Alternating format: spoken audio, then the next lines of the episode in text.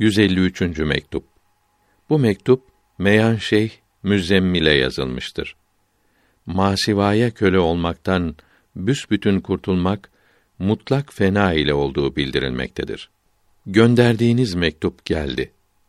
Bütün nimetleri gönderen Allahü Teala'ya hamd ve şükür olsun ki kendini arayanları sıkıntı ve üzüntü içinde tutmaktadır. Bu üzüntüyü vererek kendinden başkasıyla rahat etmekten kurtarmaktadır. Fakat ondan başka şeylere köle olmaktan büsbütün kurtulabilmek için mutlak fenaya kavuşmak lazımdır. Masivanın gönül aynasındaki görüntülerini büsbütün yok etmek lazımdır.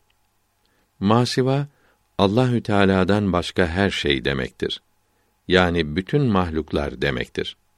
Hiçbir şey bilmemek ve hiçbir şeyi sevmemek ve Hak Teâlâ'dan başka dilek, istek kalmamak lazımdır.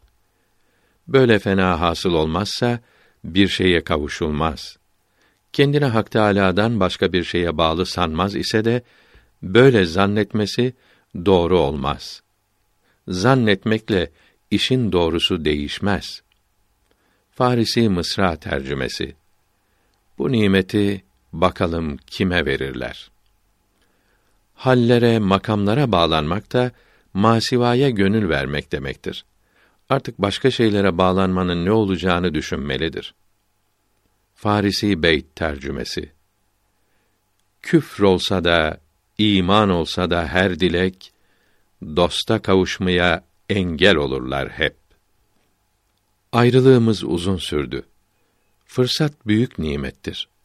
Arkadaşlarınız olgun kimselerse, onlardan izin almakta niçin gecikiyorsunuz?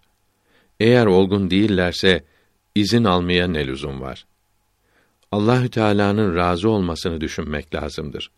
O razı olunca başkaları ister razı olsunlar, ister olmasınlar.